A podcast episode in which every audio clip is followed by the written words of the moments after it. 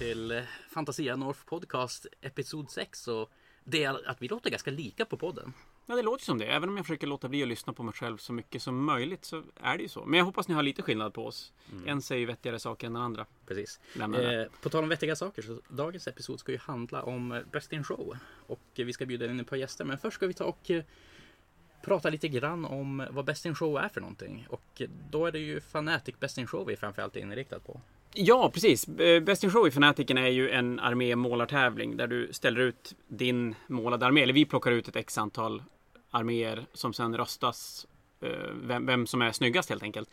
Eh, och då brukar det vara att plocka ut 10 10 procent av deltagarantalet i eh, respektive Age of Sigmar och 40K. Och så sen får alla spelare rösta på, på båda spelen. Och Best in Show är ju egentligen det ni säkerligen alla känner igen som Best Army eller Best, Best Painted. Painted, ja, Best Painted är väl det vanligaste. Och, och så hette det för oss tidigare också. Mm, det var målarpoäng och grejer då. Ja, exakt. Och så hade vi be- Best, Best Painted Army.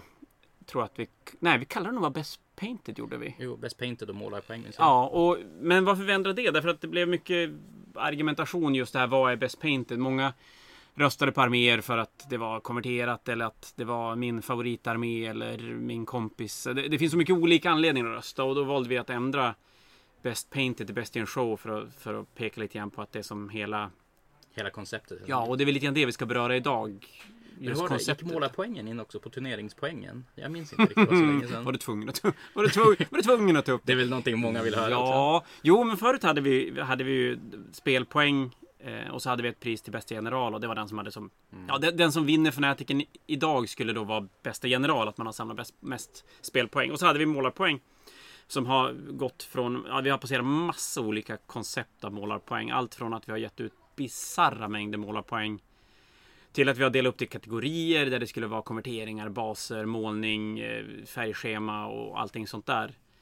Måste ha tagit jättelänge att bedöma armén då. Jag tror att när Tarander som, som hjälpte mig med Fanatiken de första 30 gångerna när, när vi nästan grät där klockan halv fyra en, en lördag natt när vi höll på att gå igenom på, på målarpoängen då bestämde vi att vi tar Det bort måste det här. finnas ett bättre sätt. Ja, och bästa sättet det var bara att plocka bort det. Det var, nej, det var så otrolig befrielse. För det gick ju bra när vi var kanske, jag säga att vi var typ 30 arméer, 40 arméer. Men när vi började närma oss 100, 100-140 arméer och man har då, vi började klockan nio på kvällen. Och så vill man ändå gå och sova någon gång och så är man färdig vid två och så har man spenderat otroligt lång tid, men kanske 30 sekunder per armé. Så att när, när man kom till arméer och, och blev glad när man hittade omålade figurer för att då kunde man ge dem noll poäng och passera vidare. Då insåg vi att det här kanske inte är någonting vi kan riktigt fortsätta med. Så både bättre för det och bättre till spelarna. Men eh, without further ado så går vi då vidare till våra gäster. Med oss i butiken då idag har vi ett antal Best in Show-vinnare. Ni har väl alla vunnit Best in Show? Ja, Ja. gång. Hur många har vi totalt? Jag har tre. Fyra, Eh, sex, tio, Elva. Lukas. En. Jo, Tolv. du måste faktiskt säga Tre. siffran. Så Inte bara 12 visa totalt alltså? Eh, Emil och eh, Lukas var ju med förra gången så vi kommer inte ta introducera er igen. Men vi har också med oss eh, Oskar Brännström, även känd som Bränne och eh, Jon Borg, även känd som ja, Jon. Jon. Vi kan ju börja med dig då Bränne. Eh, mitt första minne som av du och Best in Show var ju när du blev, fick stående ovationer när du vann med din orka med. Och hur gammal var du då? 14 eller 13. Ja, jag tror att det var 14. Jag vet vad, jo 14 fyllde jag nog. Det var, Mm. Ja, hade fått någon kit i 13-dagspresent tror jag. Så jag Ja. snott upp det. Eller i 14-dagspresent precis. ja. Så att, ja. Och det var ju ganska mäktigt. Och Jon, du har vunnit med din Death Guard-armé har jag för mig. Jajamän. Och efter det så vann jag med min eh, Craftwell Armé. Mhm. Och något år senare så var det Syronet-armén i Age of Sigmar. Och eh, vill ni kolla närmare på deras grejer så kommer jag då också ta och eh, lägga in deras Instagram i den här episodens deskription. Vi kan ju också nämna att den här episoden ska man gärna kanske inte lyssna på Soundcloud för vi kommer ha ganska mycket bilder vi visar och, och så vidare. Men eh, Jag måste bara säga en sak. Bränn är den enda som har fått stående ovationer. ja, Är det? Ja. Mm. Ja men du. 37 Fanatics enda stående ovations eh, mottagandet eller vad man ska kalla det. eh, Lukas, du vann ju Best in Show med eh, dina Beastclaw Raiders. Ja, det gjorde Varför jag. vann du med den armén tror du? Eh, jag tror att det mer var att Age of Sigmar kan ha haft lite av en eh, torka. Det var, Jon hade en snygg armé Eh, sen var det inte lika hög nivå som det har varit nu på slutet. Och så målade jag en vit armé som syntes mycket med Mm. hög kontrast. Jo, och ganska konverterad också med Witch Elves istället för vanliga Beast Riders. Ja, Ja, blygsam du var då. nej men det är inte så hårt konverterat. Nej men det var också lite grann, du fick väl eh, kommentaret, får man spela med så här hårt konverterade med när någon gick förbi den? Jajamän. Det är väl en klassiker som förekommer åt- om om och om igen. Och jag vet inte, jag kan inte annat hålla med om det men varför tror ni ändå att han vann? Är det en ganska bra analys? Ja, du hade ju allt. Du har ju turkos och rosa. Precis. Det blir väldigt poppiga färger. För det, eh, du hade ju vit päls och så var det turkos hud va? Eh, Nej, det var jo. turkost tyg. Nej det väl turkos Nej, turkos hud eh, på Precis. vissa ställen ja. Och så hade du kom- kompletterat med, med, med rosa Typ detaljer. läppar. Läpparna på Ja. monstren var så här. Det var ju väldigt, eh, och det var väldigt rent målat också. Det var inget kladd och inte eh, någonting Vänta. sånt. Så det såg väldigt fint ut. Har lyckats kopiera det färgschemat med mina Freeguild att de är turkosa, alltså lite magenta rosa och en orange drake. Lite grann kanske. Kan inte komma ifrån målarmetat helt enkelt. Och så konverterad också. Så att det... Inte lika tungt konverterad som hans här med. Men... Nej, precis. Precis, det är det som gäller. Jag tänkte på summa summarum är helt enkelt att du vann för att alla andra var dåliga. Ja. Det lät lite som det. va? Ja. Ja, Ja, men, du får ta den en annan gång när alla är bra istället. Men Brände, du har ju vunnit flera gånger. Är det någon som du tycker har stuckit ut av dina vinster? Alltså, jag har ju vunnit med två mer. Ehm, både Emperor Children och så mina lootade Space Marines. Ehm, Mm. Och det är väl lite olika anledningar skulle jag vilja påstå. Ja. Eh, mina lootade Space Marines var att det kanske var någonting ganska nytt. Eh, de var inspirerade av den Mad Max-filmen som kom. Så jag spelade ju musik ur dem och så var de väldigt hårt konverterade. Eh, och jag tror att en av anledningarna till att jag faktiskt vann med dem var att de var ganska risigt konverterade. Så det syntes verkligen att det var någonting jag hade gjort själv. det var inte det problemet som vissa andra har, att de konverterar för snyggt så det ser ut som att de har köpt figurerna från ett andrapartsföretag. Mm. Den var det ganska länge sedan och, och det var ju inte lika mycket andra parts, inte lika mycket 3D-printade extra bitar och grejer. Så att, Nej, precis. Det Den- är några år sedan. ja, som, så ja, men precis. Jag, jag tror att det gjorde mycket att den var så tydligt konverterad. Mm. Och sen då min Emperor Children armé, det är en ganska självklar anledning till att jag tror jag. Och det var att jag hade en dansande knight. Jag hade stoppat in notorer i en grej så att den rörde på sig. Men vad hände med den? Eh, ah, kortslutning på Best in Show-bordet. Eh, så knighten har de här fina skorstenarna på ryggen. Så då kretskortet inne i knighten så här puffar. Och så kommer det ut rök ur skorstenen på knighten. Var det folk som stod bredvid och tittade på då? Så att, titt- folk tittade på. Eh, för du fick ju garanterat röster då. ja, precis. Så att alltså, den började röra på sig risigare och risigare. Och sen då när kortslutningen händer bara psh, och så blir det den rökpuffen. Då fastnar armarna på knighten i rörelse åt ena sidan. Eh, så att de rör sig upp så att det ser ut som att knighten det står och dabbar. Och så ena kanonen, den är Gatling-kanonen som snurrar. Så den snurrande Gatling-kanonen får in i masken på Imperial Knighten. Så att masken bara flyger av. Så Och jag måste rycka upp Knighten och stänga av den och bara ställa ner den igen.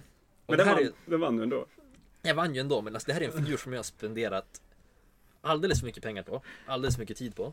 Som funkar felfritt till jag ska ställa upp den på Best in Show-bordet. Och då bestämmer den för att skita sig. Så jag tror att de som stod där då kanske gav mig lite sympatiröster till och med. Jätteroligt. alltså en knight som dabbar ihjäl sig själv. Det är en legendarisk historia. Så nu blir jag lite ledsen varje gång jag ser den där armén. Ja, Har du reparerat den eller är den fortfarande dabbing pose på den? Den, den står fortfarande i dubbingposen. Ja, jobbigt. Bra avslutning kanske. Ett monument till. Men sen säger jag första gången du vann med, med Orkamen, det, det gjorde nog ganska mycket att folk visste att du var 14. Det tror jag var... Fast visste de det när de stod och röstade? Ja, inte alla, men, men det, det var ju alltså... Jo, sen, sen inte att den inte var värdig för det, men, men eh, jag tror definitivt att det var en, en del av det också. Mm. Ja. Men sen också den Perchilla med var ju väldigt snygg i sig. Den var snyggt målad, mycket Mm. som spännande modeller och dioder och grejer. Så jag förstår att den vann även ifall din Knight tog Mm. ihjäl sig själv. Så jag tror att båda gånger jag vunnit kanske var att jag kom med någonting lite nytt. Ja, första gången var turkos och rosa precis på en armén. Men att Mm. ena gången väldigt tunga konverteringar som var lite annorlunda. Och så andra gången väldigt mycket lampor och motorer som rör på sig och blinkar. Du, du eskalerade ju alltid. Du började, ju bara, du började med konverteringar. Och sen la du till ljus och så, så la du till ljud. Och så la du till rörelse. Precis. Nu vet ni vad som är kvar. Alltid lite förmetat helt enkelt. En nöglarmé som luktar eller någonting. Oh. Alltså. Snyggt. Mm. Ja, men eh, nästa man då, Jon. Varför vann du med?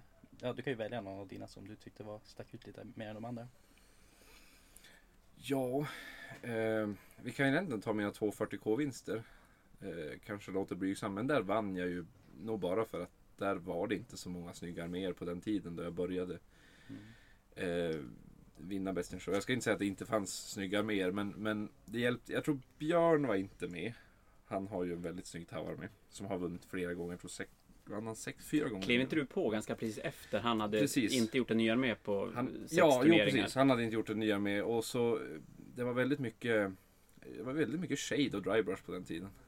Eh, kan jag minnas. Så, Nej, jo, men det kanske är det när, Ja. när shaden dök upp första gången. Så att, ja, det, var- det var någonstans där i alla fall. Så jag, jag, jag, jag vann helt enkelt för att jag, jag konverterade och jag målade hyfsat. Och jag använde framförallt färgerna för att få armén att poppa. Eh, är det Death Guard-armén vi pratar nu? Ja. Eller? Ja. Mm. Så att jag använde turkosa skynken. Där är det ju turkost. Det, det kom Turkos jag och rosa. alltså. Turkos och rosa. Sen gjorde jag en blå eldarmé eh, som jag stipplade och den, eh, där vann jag lite på samma sak också. Att, att Får vi var- nämna att du kanske spelade bort den armén så att säga nästa Best in Show. Alltså, något man, Ja det var när, det var när du vann Brenne. Eh, första, eh, din första. Jo. Mm. Eh, när det blev eh, kapprace mellan mig och Björn. Och jag, han skulle göra Björn skulle göra en ny armé. En ny till en ny armé. Och så han skulle ha en eh, display eh, tray. Han hade hittat en stock i skogen som han skulle göra, ställa armén på. Så då skulle jag göra en också. Eh, för att matcha det. Men eh, jag gjorde färgen på den alldeles för nära min eldarmé. Så min eldarmé försvann i displayen. Du så det ställde ut en display tray helt enkelt. Ja, den syns annat. inte alls. Mm. Ja, och den Showen kan man ju verkligen se att det var display tracen eller målningen som gjorde det. Jag Ja, känner att min armé hade ju en riktigt risig display tray den också. Och riktigt risig målning. Men du vann faktiskt över Björn. Eh, och hans stock. Det var ju jävligt snygg tyrannider med faktiskt. Var det Ja. första gången? För Björn har vunnit en gång med Tyranniderna va? Ja men det var första gången han ställde upp med. han Det vann var när utan, Brenne. Han vann utan Mm. stocken, Ja. sen gjorde han. Han hade bara ställt upp stocken en gång tror jag. Mm. Nej, jag tror att det var ljudet, det var ljudet som gjorde det. Det var, men jag hade ingen ljud. Han hade ju, det var ju bara han bara det, var, det var när de var blå och konverterade. Var det första gången? Ja. Då var det inget ljud på den. Ja, och, han, och du vann Var mot? Björn så jag menar det, och, och mig. och min display tray. Så det, Mm. det, är, det, är en, det är en snygg vinst där. Ja. Men eh, du då Emil, Ja. ja. ehm, kan man säga att eh, det är vissa vågrelaterade grejer där? Ja, men jag har ju vunnit med två olika arméer. Jag har vunnit med en orkarmé först Mm. och sen har jag vunnit två gånger med min Deepkin-armé. Mm. Och Ja. jag tänker att Deepkin-armén är väl kanske lite mer intressant. Och för den vann jag ju första gången med på en Show som där det var sjukt hög kvalitet. Vi kan ju nämna att vi tog och ganska mycket på fusk och hypar upp varandra. Att verkligen gå och bygga jättecoola arméer nu till Mm. våren eh, 2019. Och, Mm, precis. Så, det, så ja, alla här förutom Andreas var ju med och, på det Best in Show-bordet. Ja, just det. Jag alla tror vi fem. alla de arméerna är arméer som hade kunnat vinna om Ja. inte alla hade varit så snygga. mm. Ja, det är ju den, det är ju den bästa Mm. Best in Show utan, ja i alla fall med så många arméer. Vi hade väl någon fantasy, gamla fantasy, alltså backar vi tio år tillbaka när vi tog ut kanske tre, när vi tog ut de snyggaste arméerna. Vi tog inte ut, Mm. för nu har vi ju sagt att vi tar ut 10% av deltagarantalet.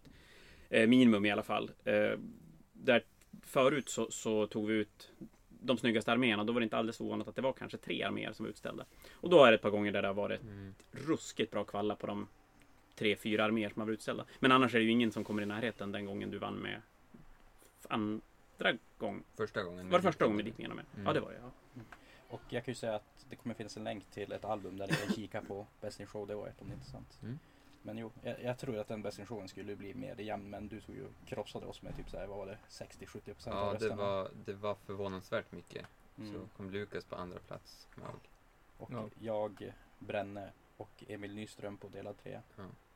Sen var det jag Ja, och Samuel nej, Och Anders. sen Anders. Anders. Och så sist Samuel. Ja, så Mm. var det. Var det Vågen som gjorde det eller? Jag tror nästan. Jo, men- Jag tror. Och helhet. Alltså så här, först och främst, det var ju en ny, alltså det var en ny armé i sig. Att alla modeller är ju nya.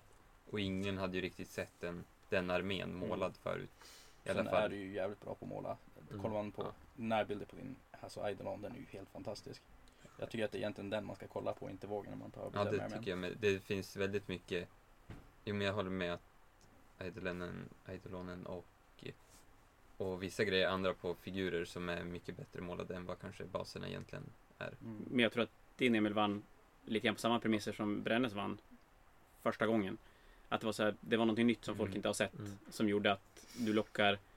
Och så klar, den armén klarade du, för, för det är klart, Brännes armé hade ju inte klarat av en detaljskådning.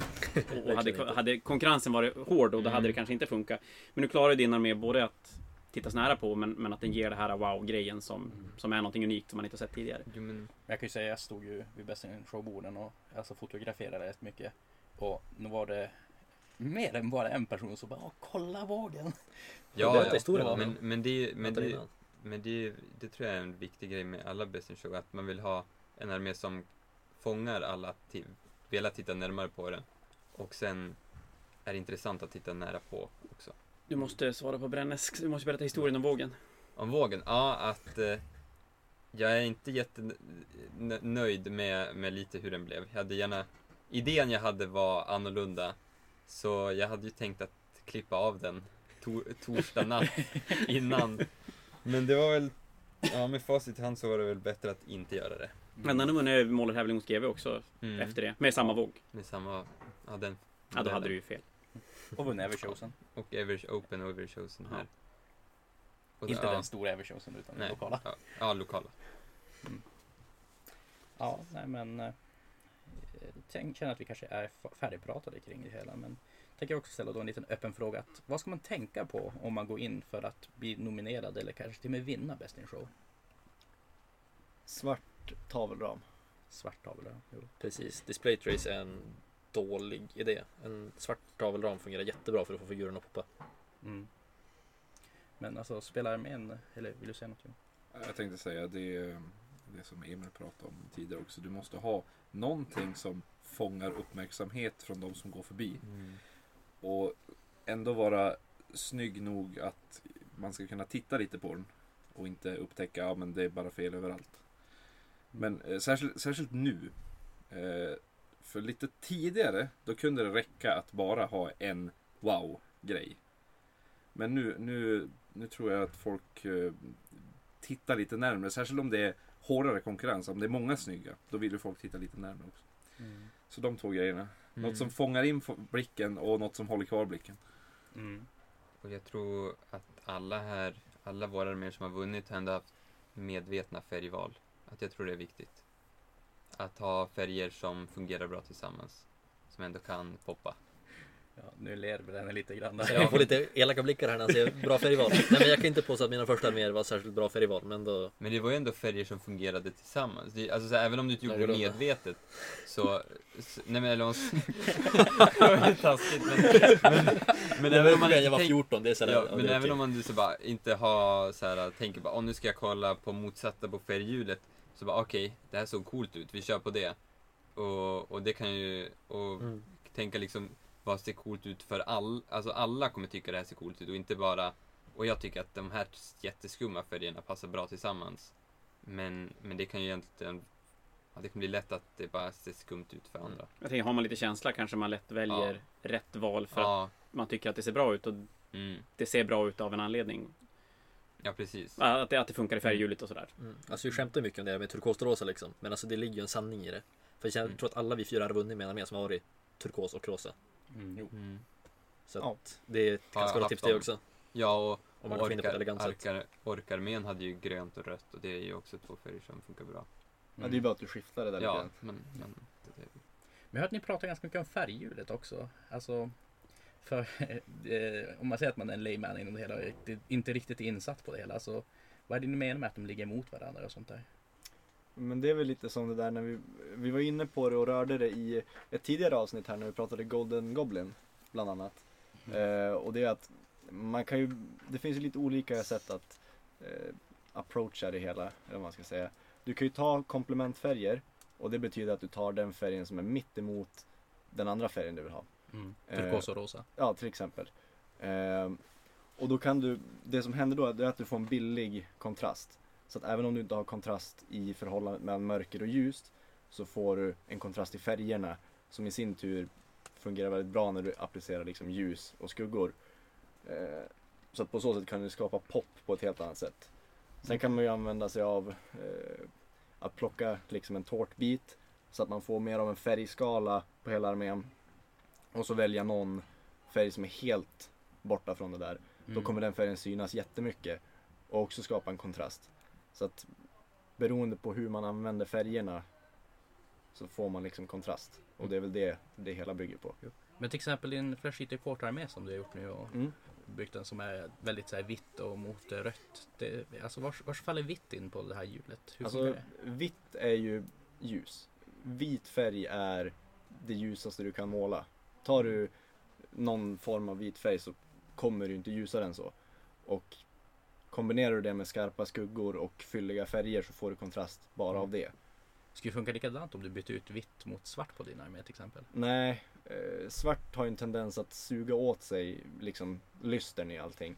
Eh, så att tar du till exempel och målar svart bredvid rött så kommer det röda se mörkare ut och tappa det här, alltså tappa sin lyster. Eh, jämfört om du har vitt, då kommer det liksom reflekteras ut mer färg. Och det har ju med hur vitt och svart funkar som eh, quote on quote färger.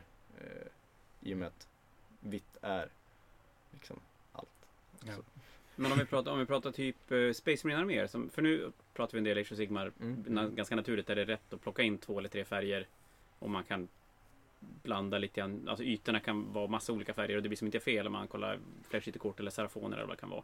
Men om vi tar typ Space Marines som, som ska som vara en färg, går det att göra samma sak där? Att man, jag tänker man ska måla Ultramarine som är blåa. Mm. Är det de här gula shoulderpadsen som Alltså trimsen på shoulderpadsen, det, det räcker då för att göra den? Ja, alltså det är därför GV har gjort så. Om man Mm. kollar på gammal Space Marine Box Art från GV när de faktiskt målade gula trims och gula dödskallar Mm. och sånt där.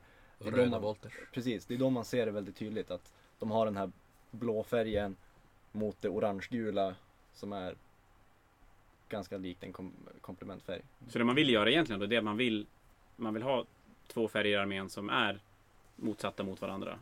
Ja, inte nödvändigtvis men eh, Om man det är en ska- bra regel. Ja. Ja, två eller tre. Jag tänkte om man sitter och, om man nu sitter hemma och funderar på att bygga en armé Eller måla en armé och så vet man att jag gillar turkost Mm. Det är armé, det, det, och så har man, för många gånger man hör ju det när, när folk pratar arméer och, och färgval och sådär att man, man vet kanske vilken färg man vill att armén ska vara Och då om det är rött eller blått eller vad det nu är eh, Men sen då ska man ju välja en annan färg Och då är, är det lite så man kan tänka då om man vill göra det enkelt utan att Ja. Om man inte kan så mycket själv tänker jag det. Så salamandra är gröna för att de ska matcha elden eller?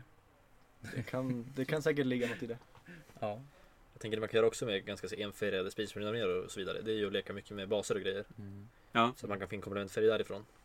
ja. Vi såg ju det på Jons Golden Goblin-bidrag som han tog och vann crew-kategorin i. Ja, just det. Röda Space Marines med lite lätt grön bas. Det kan jag tacka Lukas för. Han, han, sa, han sa att jag skulle, borde göra grönt. Och han hade ju rätt. Mm. och det svider lite grann, vi kör det. Ja, ha det. lite, lite. Men eh, nu ska jag vinna Western Showmere också. Så. Hoppas jag. Mm. Men jag kan väl tillägga att det, det är att hitta men, liksom, motstående färg på färghjulet är ju kanske det lättaste sättet när man ska måla en armé. För att, att hålla sig till en kakbit eller ska säga, det är väldigt små skiftningar i färgen kan jag förstöra det hela. Och speciellt när man ska vara i en lokal som, ja, som på Fnatic när vi är i Dragonskolans gympasal. Lite såhär pissigt gul Ja, där lysrörsbelysning. Ja, det är inte den bästa belysningen. Knall, ja det som det kan, som kan eh, ja, men det kan förstöra hela effekten som man egentligen är ute efter. Mm. Och då är det bättre att gå på ganska säkra färger Mm. som, som klarar av att vara i, i ganska, de flesta stä- ställen. Därför är det också så viktigt med att ha en tavelram, att det blir som en del av Mm. presentationen. Att typ det gröna bordet under inte tar och förstör hela Mm. armékänslan. Och snälla, måla bastrimsen svarta. Åh, Ja. vad jag tycker om att höra det där. Alltså, det är så här, det, den enda möjligheten du har att separera dina plastfigurer och verkligheten, bortsett från att det är plastfigurer och att de inte är verkliga, är ju Den lilla trimmen, detaljen. Mm. trimmen på baskanterna. Det är liksom, målar du den svart, då får du den här skillnaden mellan vad som faktiskt är verkligt och det som inte ska vara verkligt. Så det ska inte vara Goblin Green då? Genomskinliga baser. Uff. Men det som, eh, nu när vi kom in på baser och det Bränna sa om basen också. Eh, en bas är ju väldigt viktig för modellen.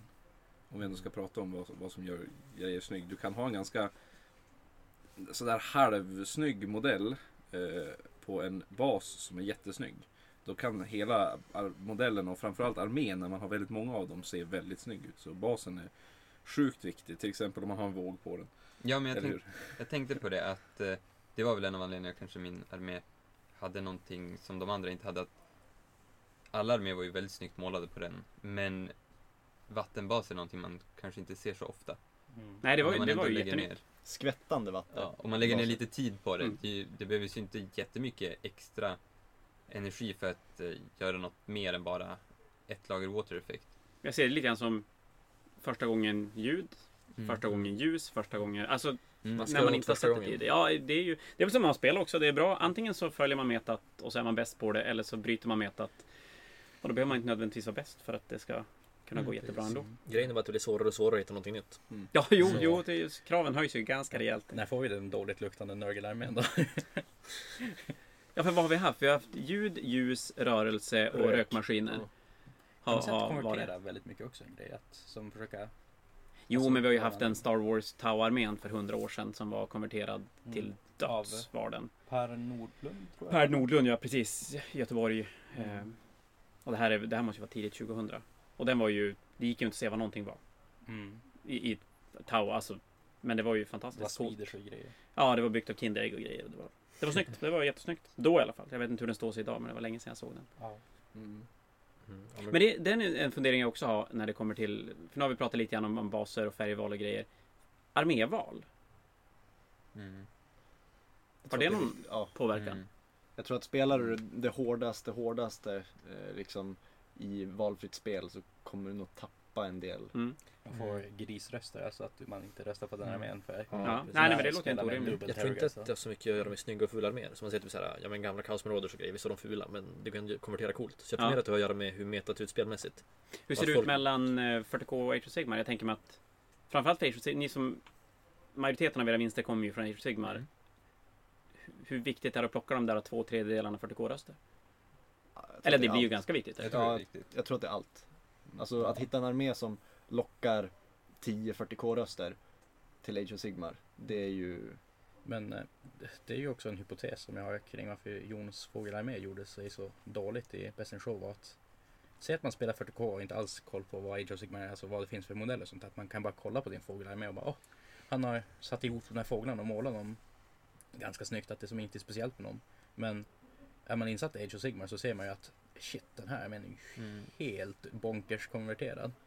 Förmodligen den mest konverterade armén om man kollar hur mycket alltså, pengar man måste lägga på den per modell.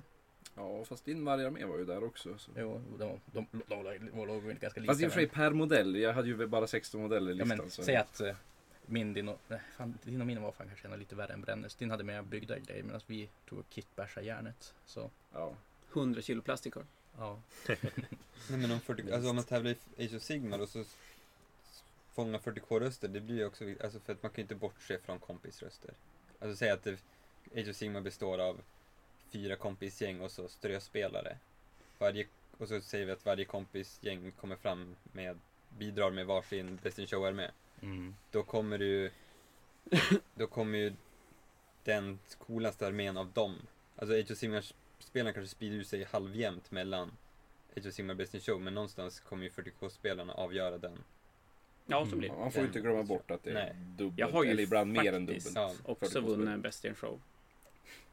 Jag kom på det nu, jag måste bara få säga det här nu bara. Och det var i eh, Quest for Atlantis Fantasy 2004 kanske. Och då gjorde vi så att vi som åkte från Umeå, vi sa att om någon blir utplockad till Best Painted kallas det då. Eh, om någon blir utplockad till Best Painted så, så röstade alla från Umeå på den. Mm. Och så blev vi två stycken utplockade och så slumpade vi vem som skulle få alla röster. Fick alla röster. Det, det var inte bara därför jag vann, det, det tror jag inte. Men det är klart det hjälpte till. Så var det. Var det din eh, Minotaur-armé? Ja. På tal om konverterade I tenn. Jo, då var det väl faktiskt galet mycket konverteringar i den. Jo, du köpte det blodtörsta eller vad det var? Bara. Nej, det var jugger, jugger, men då kunde man köpa lösa metallbitar. Så det var juggerhuven och horn från tuskors i, i metall som jag klippte av Åh gud, metall. när jag var ung. Du hade ung. väldigt mycket ben på baserna också vill jag minnas. Ja, Jag skulle ju bara ha dödskallar på baserna. Det här var innan skallkitten. Så jag började på en 40 mm fyrkantig bas och insåg att jag behöver typ 30 dödskallar per bas. Så tänkte jag, men tar jag lite skelettbitar och behövde hur mycket. Men slutade med att köpa en Tonkingar med och klippte sönder den i bitar och la hästbitar och skit på baserna. Jag har kvar den faktiskt. Den, den kan du få fota någon gång. Se om den, den, den kanske inte håller riktigt så bra som den gjorde en gång i tiden. Men den lever fortfarande i alla fall. Mm. Nej, men, eh, tillbaka till eh, frågan du ställde där. Alltså, eh, just armén du spelar spelar inte roll, men det, ändå lite grann. För man måste ju som gå in och tänka lite grann på temat man vill få fram. Och som tänka vad kan man göra med den här armén? Om vi tar till exempel att eh, ja men alltså vad finns det för stora modeller man kan jobba med för att få den här Mm. eh, vågeffekten i brist på annat ord och som tänka lite grann på vad man kan måla och som lite temat man ska få igenom. Du måste ju definitivt tänka lite på vad för modeller du spelar. Mm. Eh, för om du, om du ska göra en snygg armé och ställa upp den snyggt också. Så kan du inte bara ha, eh, kan, du kan inte bara spamma det bästa i armén. Eh, till exempel, eh, ta Space Marine som exempel. Vad är bra i det? Thunderfire Cannons är bra. Ja, det blir, jag, jag tänker egentligen systrarna om du tänker den. För det är ju en Ja. armé som, som har sjukt snygga figurer. Mm. Men det lutar väl åt att de riktigt bra systrararméerna nu kommer att vara typ 150 systrar. Ja, bara infanterister. Ja, precis. Och, och det kan ju bli otroligt ospännande att titta på. Det blir det. Det blir väldigt, det blir väldigt, det blir väldigt eh, platt. På, Mm. och, om du ställer upp armén, att det bara är en, typ 100 systrar på en, på en tavla. Det, du behöver lite mer, du behöver förstås någonting som eh, fångar in uppmärksamhet. Du kan göra det med färger och baser, men du vill faktiskt ha någon större modell som du kan måla snyggt eller eh, konvertera så, att det, så att den syns. Du vill ha lite ehm, olika nivåer på armén också. Så att det, det är vissa modeller som är högre, det är vissa andra som är lägre. Och du, du vill ha lite blandat så du kan... Så där, jag, jag, jag kan tycka att armén spelar faktiskt roll. Det finns... Eh, det finns vissa... Eh, du kan inte bygga armén liksom hur som helst om du vill göra den så snygg som möjligt. Jag tror att ett ganska bra tips i 40K, typ till alla imperiearméer, för de har inte så mycket snygga centerpieces. Det är mest bara lådor, tanks och grejer. Ta in a knight. Tinen. Ja, jo men det är... För då kan man få till väldigt fina kurvor i uppställningen. Och det, Och stor stor bas bas naturligtvis. också. Chaos Knighten, ja den är ju också den är ju ännu snyggare. Mm. Och så mycket bas är det ju på den. Och kommer ju- horisonten lite grann om man ska säga. Men det kommer ju säga att alltså, det är en av anledningarna varför jag har med Leviathanen i Deepkin-armén. Det är ju för att det är en sjukt snygg modell som är stor. När, när jag väl hade den första Fanatiken, den var ju inte särskilt bra spelmässigt. Alltså, den var inte en jättedålig till och med. Jo, den har ju gått ner väl, ja, nästan 100 poäng sedan dess. Ja, det säger ju Eh. Så, så det Så det gör ju skillnad att och man vill ju ha något stort som fångar folk. Ja, det är här genomgående för era arméer som ni har vunnit. Death Guard-armén är jag lite osäker på. Den hade... En Helldrake på som, Just det, du hade Helldrake som slogs med Mm. med Valkyria. Valkyran. Och Ja, just det. sen- Ja, gud.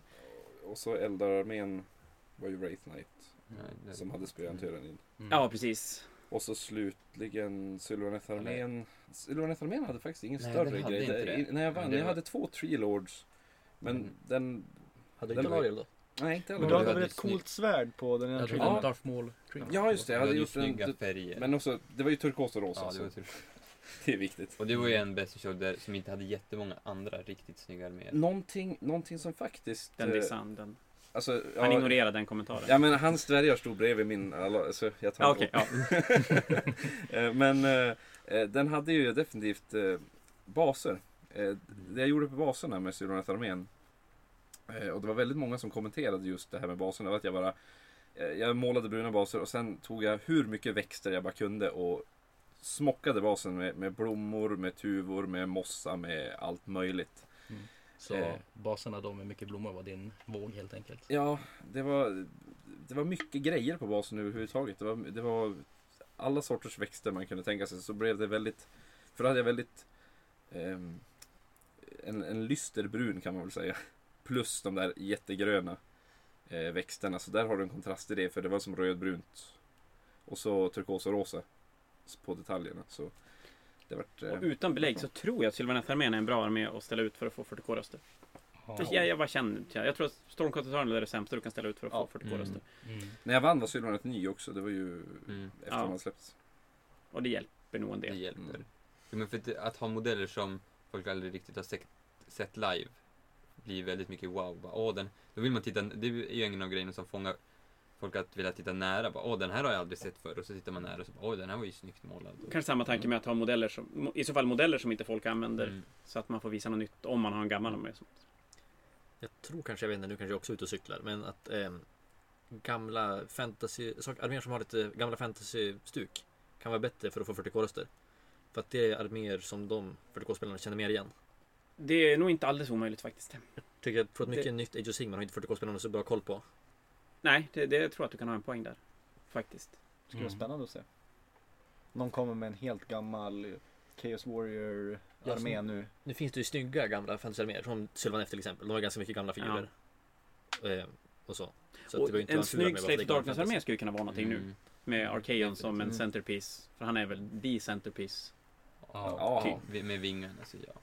Och så sen nya coola Chaos Warriors som ändå lockar gamla. Mm. De Ja, och där snackar vi ju sån här kurva. Archeon i mitten, två War Shrines, hästar och så sen vanliga Warriors. Och ska man konvertera Warshrines är ganska tungt om man vill. Ja. Det är ju rätt tacksam modell att Mm. bygga eget om man vill göra det. Men mer än, mer än ha kvar modeller från att hålla kvar stilen. Mm. Från, tror jag också. Mm. Old World-stilen för Mm. alla Mm. gamla spelare. Man får ställa upp allting i fyrkanter även fast de är på runda baser. När man ska... Fyrkantiga moment trace så ställer man upp allting. Bra idé. Mm. Ja men de från, de, de från eh, War of the Ring. Exakt. Fyrkantiga moment trace med för runda De är baser. ju jättesnygga. Ja, men eh, kan vi då kanske gå vidare? Ni fick ju alla en eh, utmaning förutom du Jon då som var sen. Att eh, ni skulle ta och ställa ut min vargarmé på ett displayboard. Jag måste bara få premisserna här. Det var att de hade... Var det exakt samma armé de skulle ställa ut eller vad fick Nej, de? de fick plocka fritt från det jag hade för det är typ 4000 poäng. Att man ska ha sina tre battles, n- något form av ledarskap och lite monstersaker samt att Hurdstonen måste vara framme.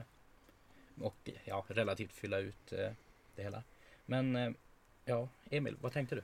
Ja, alltså jag personligen gillar ju att ha lite luftigt ändå. Så jag har ju lämnat ganska mycket rum. Jag har inte jättemycket figurer. Och jag har lämnat ganska mycket rum mellan figurerna och så. Eh, för jag tycker att när man har en, som, en armé som är så snyggt målad så Ja. att ha, att, nej men att, att ha, att ha lite luft mellan figurerna gör att, än att då man får mer utrymme att titta på varje enskild figur och, och så. Eh, sen jag gillar ju att ha karaktärerna längst fram för att eh, jag lägger ju oftast mest tid på karaktärerna också. Och det är oftast de som har snyggast eh, modeller. Eh, och sen ha de stora figurerna där ba, beroende på, alltså så här, den, eh, hur, hur figurerna antingen har den i mitten men nu när det fanns flera monster så valde jag att ha dem där bak i utkanterna istället. Mm. För att eh, de, då blir det som mer, då det blir liksom en upptrappning. Så jag har ställt de här små, eh, jag vet inte ens vad de heter, de här pilbågarna. Ungors. Ungors eh, liksom där fram och sen har jag Bestigors där bakom som ändå går upp lite och så längst bak har jag Monster Ställt och monstren. stenar. Jo. stenarna så det blir liksom lite av en trappa uppåt. Mm. Nej, jag kan säga när jag ställde ut den här armén på Fnatic så kanske jag ställde ut lite för mycket. Men, eh, för det blev liksom inte det där Mm. luftiga som du säger som jag håller med om är väldigt bra. Men jag kände att om jag ville ta knycka röster var Mm. att jag hade ju faktiskt möjligheten Ja. att ställa ut mycket mer än alla andra Mm. för jag hade så mycket samling-grejer. Ja, du skulle säga att man måste ju ställa ut hela sin armé. Men inte all samling om man inte vill. Ja. Precis. Det här då- tror jag går inte upp i 2000 poäng. Nej men Men vi, vi det är som- stuket som är viktiga. Det är som Men- stuket. Eh, Eh, jag gillar ju verkligen symmetrin och få till det hela. Jo men jag gillar Mm. när det är symmetri. Den här, den här uppställningen liknar ju väldigt mycket den jag ställ, jag som jag använder på mina Deepkin. Mm. Utan att jag ställde upp själv i, i det här så ska jag säga om, om, jag, om jag ska ha gjort det så ska jag nog ha gjort ungefär som Emil. För att du får en hög hurter i mitten. Du får ha två lägre monster på sidorna. Symmetri och luft. För precis som du säger, jag gillar när det är lite luftigare så att man kan se modellerna och enheterna för sig också. Mm. Mm. Någon mer som har något att tillägga? Nej, det är fint gjort. Ja. Det är det. Det är ju uppenbarligen ett sätt som fungerar. Ja, faktiskt. När det ja, har vunnit. Går vi vidare till Brännes uppställning tror jag att det är. Ja. Ehm, Ja, Brenne, vad vill du säga om den här? Eh, ja, nu har jag ändå tänkt lite utifrån eh, både att det känns som en ganska hårdig armé. Man vill ha mycket figurer och då vill jag få fram den här känslan av att du har en stor armé som kanske inte tar slut där displayboardet tar slut utan den fortsätter lite grann. Det här bara är ett litet, en liten utskärning av armén. Mm. Så att man ändå får den känslan att den är väldigt stor. Eh, och så vill jag ändå göra en liten kontrast i Emrys då så man kunde se lite skillnader. Mm. Men jag har också försökt tänka lite grann på den här kurvan som Lukas pratade om. Eh, och det är inte bara i storleken på figurerna. Eh, utan också i lite grann hur figurerna lutar och sådär. Så att man får en fin övergång från hög figur till li- liten figur. Jo, och så blir det som en väldigt fin, alltså som, ska vi kalla det som upp och ner där med Dumbolen och eh, i mitten. Precis. Eh, och jag tycker också att det här med att framhäva karaktärer, man vill att de ska synas.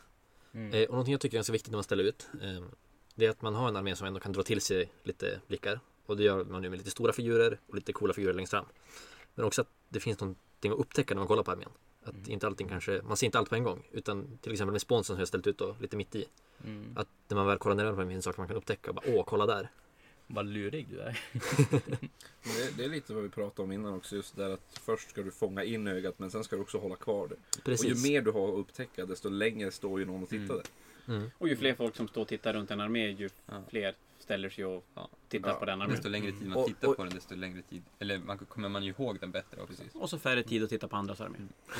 Som sagt att folk sa åh, kolla vågen på den Mm. kanske ledde till att fler personer sa gick också kolla vågen. Ja, eller som kolla den där knighten som rör sig. Ja, precis det med. Eller som Eller- bäbar. Kolla undersidan av vingarna. exploderar. Kolla undersidan av vingarna. Jo. Då tappar man röster. Ja. Fy på det. Kanske vi får fylla på med den sen då. Alltså, alltså verkligen så att folk förstår vad vi pratar om. Mm. Och sen då den här armén har ju lite grann en så här barbarisk känsla nästan. De är som Mm. lite vilda, så savages nästan. Så då har jag försökt att få bort den här strukturen lite grann. Eh, Mm. att inte ställa upp dem så enhetligt i enheter utan att mer sprida ut varje figur så att det ser ut som att det är mer en, en hord som väller fram. Istället för en enhetligt uppställd armé kanske. Jo. Det är också en väldigt, eh, det du sa där att man ska hitta saker, alltså att man får saker att upptäcka hela tiden när du blandar enheterna sådär. Mm. Mm. Så då ser du ju först, ja men där har du eh, en stor varg och där är en liten varg. Åh oh, coolt. Och så hittar du Skulle man kunna... Är det blandade enheter här så att de står inte bredvid varandra? Nej, Ja, precis. exakt. Typ alltså, du ser de här röda är ju bäst igår, så omgivna av ett par gårds. Ja, jag, jag tittar ju tyvärr väldigt, väldigt sällan speciellt noga på Best in Show längre för det är lite mycket annat att göra. Men är det många som gör det? Är det många som splittrar upp sina arméer och blandar? Eller, för jag Nej, kände direkt alltså- att skulle jag ställa ut, så, eller när jag gjorde det, så, så klump, man ställde ut det som man skulle spela. Det var ju aldrig en fundering på något annat. Det här är ju första gången faktiskt jag sett någon har ställt ut på det här sättet. Och det var väldigt spännande sätt faktiskt att ställa ut på. Du får inte riktigt den här luftigheten som Evelyn snackade om att det är, så, Nej, är precis. luft mellan enheterna. Men, det gäller ju att man vill ju väga lite grann. Alltså alla uppställningar har ju fördelar och nackdelar. Jo. Och då gäller det att väga det mot varandra. Emils uppställning är ju mer generiskt Ja. rätt. Mm. Den, Men- den här matchar ju armén Men jävligt bra. den här, den här liknar min orkarmé när jag ställde upp den. Den var mer en blandning av eh, den här, för jag delade upp, jag ställde till exempel, jag hade Gorgrant, alltså så, grisar, och de ställde jag som en enhet. Men jag hade tre block, eh, eller tre enheter sådana här uh, brutes. Och de blandade jag helt, helt vilt tillsammans med mina Ardboys. Var det när jag och Pontus Ja, eh, hjälpte Ja, dig? precis. Ni, ni hjälpte till att ställa upp det. Och det blev ju, det blev ju spännande för att ja, jag hade, ja, jag hade ju målat dem på ett sätt som också det var spännande att titta lära. Jag hade mycket war, war paints på, på rustningen. Och ja, jag tror det, det funkade bra också. Jag tror att det beror väldigt mycket på vilken armé det är. Mm. Vilken känsla man vill framhäva. En sån här, eh, ja men, eh, vad heter de? Chaos. Bisokejsarmé eller en orkarmé vill ju ha lite den här vilda känslan. Mm. Medan en mer ordnad armé som Deepkin kanske vill stå lite mer enhetligt. enhetligt. För att, Jag tror- ja, Men en Space Marine armé skulle man ju inte kunna göra sådär. Nej. Då ska ju folk bara Ja, de skulle Nej, gå flippa och gå därifrån. Mm. för man vill ju fram, alltså man vill ju ge känsla också. Inte bara kolla snygga figurer utan Mm. man vill ju leva sig in lite grann i Men som, armén. som du säger, vad heter eh, free, Tänk dig en, en free-armé full med free people. Om de står upprankat i, i fyrkanter. Skitsnyggt. skulle vara fruktansvärt snyggt. För de ser ju ut som att de är riktiga, alltså det är en, det är en riktig armé. De står sådär med arm, eh, och med ett baner. Då ska det helst inte bara vara ett baner i frontranken utan du har ett baner längst fram, tre rader bak så har du till kanske lite snett.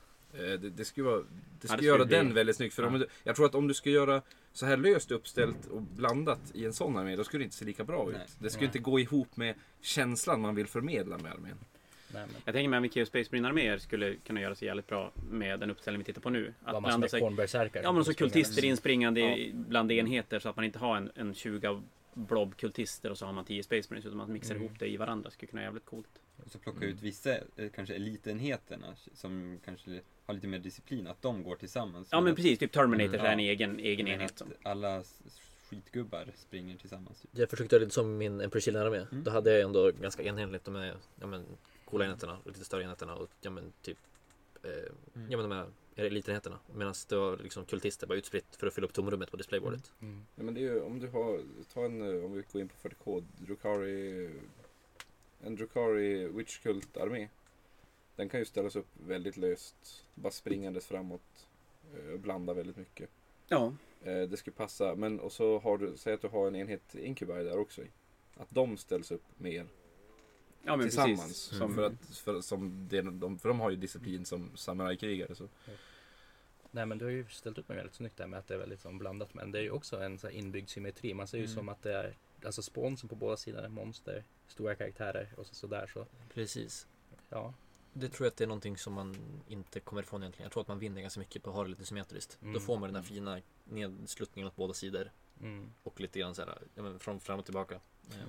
Det är ju extra viktigt när man ställer upp så här och, och blandar att det finns en symmetri i det. För, för att om, om man bara blandar och utan symmetri då kommer den som tittar kommer bli förvirrad. Det kommer vara jobbigt att titta på den. Och du vill ju inte att det ska vara jobbigt att titta på den. Men sen tror jag kanske att det är lite grann att man är fast i gamla banor. Vi säger att man måste komma med någonting nytt. Eh, Och jag vet inte om det kan vara en bra idé, kan vara en dålig idé. Men att kanske mixa upp det här lite grann. Och typ ställa upp en armé från sidan eller någonting som håller på att marschera längs en bergskam eller något.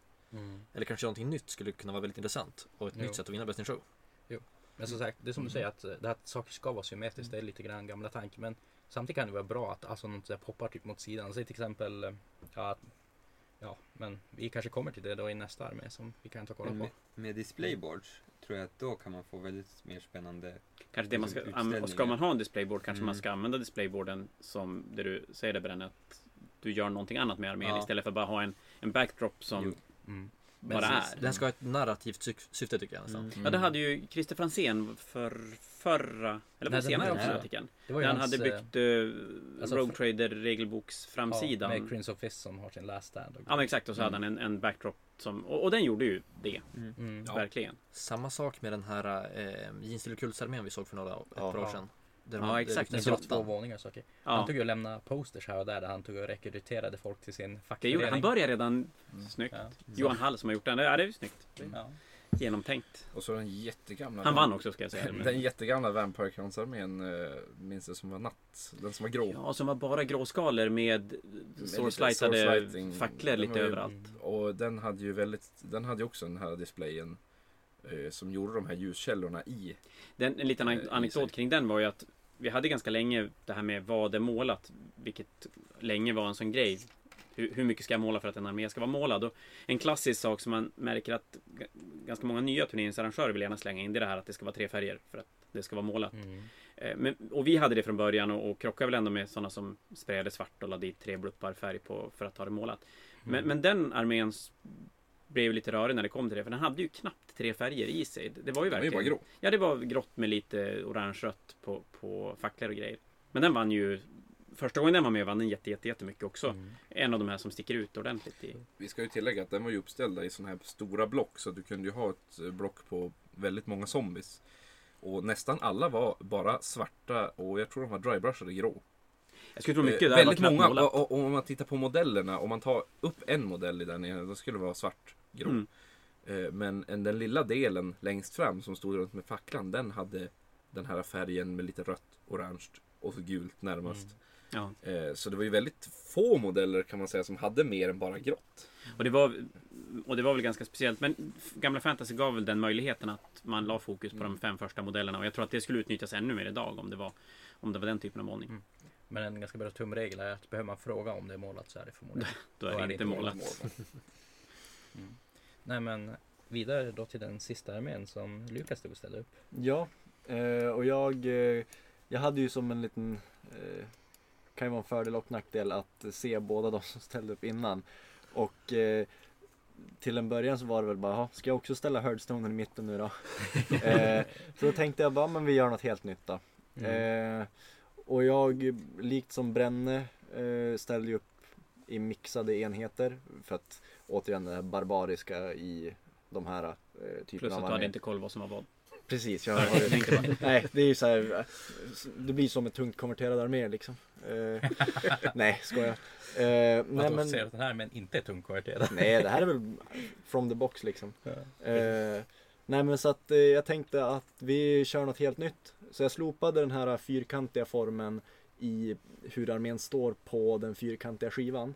Eh, för att skapa intressanta ytor i det svarta. Eh, så man ser liksom i framkanten att det blir nästan som eh, toppar och dalar mellan Mm. är, eh, svårt att illustrera det i poddformat. Mm. Men sen tänkte jag bara man vill sno ut Heardstonen till vänster, höger på brickan. Mm, så här shamaner där som Ja, står. precis. på. Eh, de tar fram lite sådana där spawns och myspys. Och så bara, men vi väger upp det med två stora saker på andra sidan. Ställde dit eh, de två stora sakerna.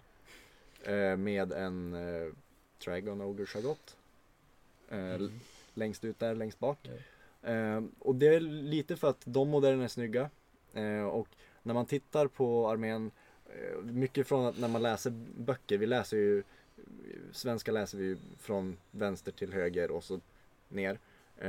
Så att när man tittar på saker brukar man gärna titta från vänstra översta hörnet ner till nedre högra hörnet. För att det är så våra ögon är tränade att läsa bilder och läsa text. Eh, så att börja med någonting stort uppe i vänstra hörnet, sprida ut lite spännande karaktärer från vänster till höger eh, mixat i det här. Bara Mm. för att göra något helt annat från vad Emil och Brenne gjorde. Jag tycker spontant den där skulle göra sig jättebra med någon typ av display. Mm. Den, Ja, den som skulle tjäna mest med någonting. Precis. Mm. Jag tänker så här, Och jag tror- eh, Det har lite grann med asymmetrin att göra. Ja men precis, jag tänker någon sån här Game of Thrones när de är i, i norr och så Ja, sen har de palissad på baksidan och så sen en kust, Det jag, iskust tänk, längst fram. det jag tänker är att de står typ, eh, de har blivit intryckta i så här, en grott, eh, Mm. grotta Mm. typ. Det är väggar in i båda hörnen där Men bak. typ, eh, jag tänker ju scenen från femherrarslaget när dvärgarna håller på Ja, och rycka ihop precis. sig och Ja. bil, bilda sina linjer igen för att eh, orkerna ska komma och sänka dem och Precis. grejer. Och det man kan göra med en displayboard då, det är att göra små höjningar i Precis. displayboarden där karaktärerna står.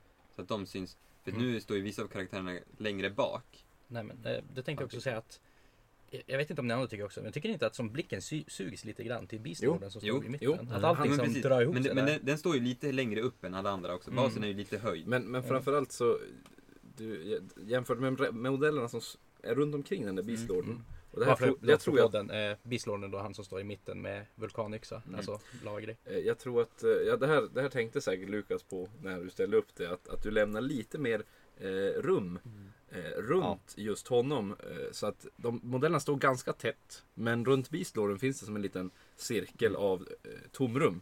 Som hjälper att, så att vi kan se den. Och framförallt eh, om vi ska gå in på ännu mer liksom bildspråk och eh, så om vi tittar på alla linjer i eh, det här. Det är mycket trianglar, det är mycket diagonaler. Diagonaler och trianglar skapar ofta orolighet. Det, är liksom, det skapar en stämning av att det rör på sig. Eh, och tittar vi då från Hearthstonen och från de två stora monsterna som går snett in mot mitten mot eh, Beastlorden. Det skapar att blickarna dras dit för att vi, alltså människan vill dras till linjer. Vi vill följa eh, mönster. Och då tittar vi där nere. Eh, det är lite så här hackigt, gå upp och ner i framkanten. Också sådär, de där eh, inflikningarna där det inte är någonting, det drar oss in mot mitten. Eh, Återigen titta på Beastlorden. Så att även fast man kommer från att titta uppifrån vänster till ner från höger och liksom lite spridning så finns det ändå element som drar blicken inåt och håller kvar den i eh, liksom, armén. Mm. Intressant med den här uppställningen också det är att eh, den, den, den ser Den ser ju både, den har ju väldigt mycket asymmetri i, i kanterna och så här. Men som du pratar om, du har fortfarande det här symmetritänket i. Du har en, en bislår i mitten, du har en Hearthstone till vänster som du då Mm. var tvungen att väga upp med, med stora monster på, Ja. på höger sida. Eh, så jag tror, trots allt, jag tror inte man kommer ifrån, man kommer aldrig riktigt ifrån den där symmetrin. Man måste, Mm. Nej, man kan man göra måste den ha en. på olika sätt. Man kan göra den på inte olika ha sätt. samma figur på båda sidor. Eh, och det tänker jag också att det kommer till den här uppställningen. Att det finns många arméer som kanske inte bara är centrerade runt en centerpiece. Utan att du har två lite coolare grejer. Eller som i det här fallet tre.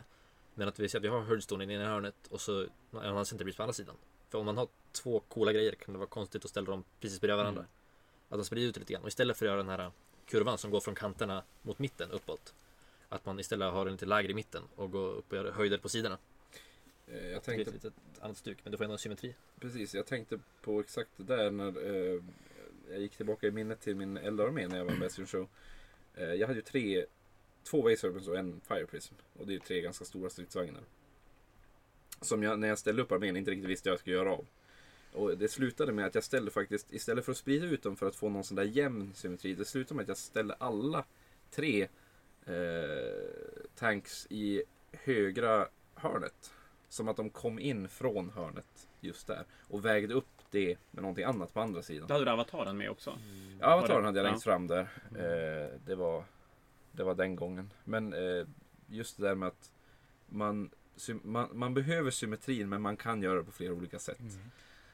Mm. Jag tror att en armé som kan gynnas ganska mycket av asymmetri, det är mer som har mycket rörelse i sig. Om du tar till exempel din eldararmé, Mm. eller den här armén som ser ganska snabb ut. Mm, allting studsar. Precis, att då kan det, att om det kommer in från ett hörn kan det bli lite mer här svepande känsla. Mm. Medan en armé som är ganska blockig och statisk, säga skyttararmé eller någonting, Mm. kan känna lite mer på att den ser lite mer uppordnad ut och statisk och Mm. mer symmetrisk på ett sätt. Ja, det blir ju det med, med fr- frigilarmén igen, där alla står still. Precis, Då jag måste de ju stå still. det kan vara konstigt att stoppa en flygelarmé från ett hörn. Ja, precis. Då måste man ju ha byggt den som att de springer. Mm. Men eh, då kan vi väl ta, vi kan ju ta med oss det här med att ställa upp armén har väldigt mycket med hur armén ser ut och vilken känsla som modellerna i Mm. armén förmedlar. Och det kan ju vara olika då om du har till exempel eh, ett block med, som, som ser stadigt ut. Ja men låt dem stå ganska ordnat medan någonting som studsar omkring som de här vargarna de kan eh, stå lite mer oordnat. Bara för att förstärka den känslan. Nej. Det ser väl snyggast ut. Ja, men eh, då känner jag att vi har pratat oss ganska bra om hur man ska tänka på vid uppställning och färgval och allting vid Best in Show. Så jag får tacka våra gäster att ni ville vara med idag. Och, ja, kanske får besöka podden någon tillgång. Tack så mycket. Tackar. Tack, Tack, så mycket. Nej men det där var väl då allt vi ville gå igenom för idag. Och ja, det lär väl dyka upp med någon episod nu, någon gång i februari. Vi har inte jättemycket vi har på men håller på att spana lite grann på. Ja, det är väl Winter Games nu på söndag. Eller ja, det beror på när den här kommer ut. Men när vi spelar in den är det nu på söndag i alla fall. Mm. Så eventuellt så kommer vi att försöka dra ihop lite spelare därifrån kanske och snacka lite 40K nästa Mm. gång. Men mer kommer så håll utkik. Hej då! Hej då!